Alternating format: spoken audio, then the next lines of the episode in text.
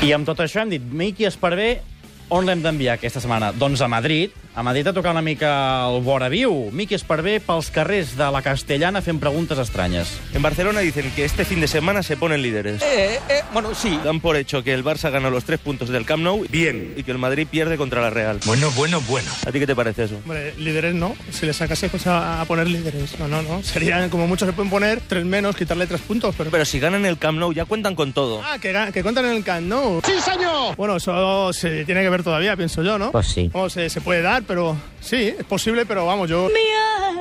Pues me parece que, pues no lo sé, pues la verdad es que yo creo que va a ser difícil, ¿no?